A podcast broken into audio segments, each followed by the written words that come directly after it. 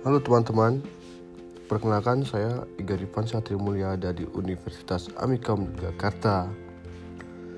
Di sini, saya akan menjelaskan sedikit tentang etika pergaulan. Sebelumnya, apakah teman-teman sudah mengenal apakah etika pergaulan itu? Jika belum, mari kita simak podcast yang singkat ini. Etika pergaulan yaitu sopan santun atau tata krama dalam pergaulan yang sesuai dengan situasi dan keadaan serta tidak melanggar norma-norma yang berlaku baik norma agama, kesopanan, adat, hukum dan lain-lain.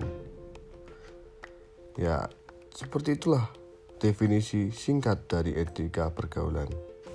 Setelah kita mengenal etika pergaulan, yaitu selanjutnya mengapa etika pergaulan harus diperhatikan. Etika pergaulan harus diperhatikan karena satu, manusia dituntut untuk saling berhubungan, mengenal, dan membantu. Kemudian yang kedua, agar tingkah laku kita diterima dan disenangi oleh siapa saja yang bergaul dengan kita. Kemudian ketiga, tata krama dan tingkah laku sehari-hari merupakan cermin pribadi kita sendiri. Lalu, apa yang harus diperhatikan dalam etika pergaulan? Yang pertama, pandai mendapatkan diri. Yang kedua, dapat membedakan bagaimana sikap kita terhadap orang yang lebih tua, supaya dan yang lebih muda. Misalnya, orang yang lebih tua atau yang dituakan harus kita hormati. Orang yang sebaya harus dihargai, orang yang lebih muda harus disayangi. Selanjutnya, di mana dan kapan saja kita harus beretika.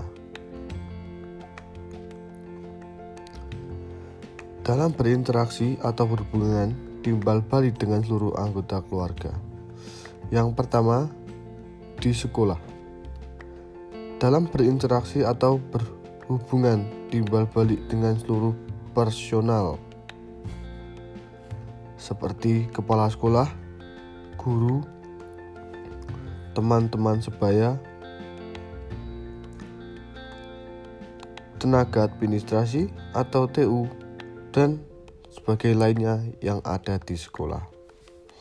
Yang kedua di masyarakat. Dalam berinteraksi atau hubungan baik dengan anggota masyarakat, misalnya di toko dengan pelayan toko, di kantor pos dengan karyawan-karyawannya, dan di mana dengan siapa pun yang kita temui di luar rumah. Selanjutnya yaitu beberapa contoh sopan santun dalam pergaulan.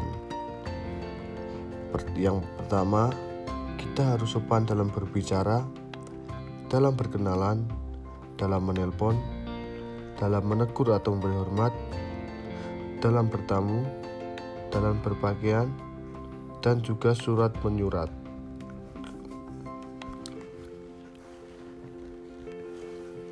Berikut sedikit pengetahuan mengenai pergaulan etika. Semoga bisa membantu dan semoga dapat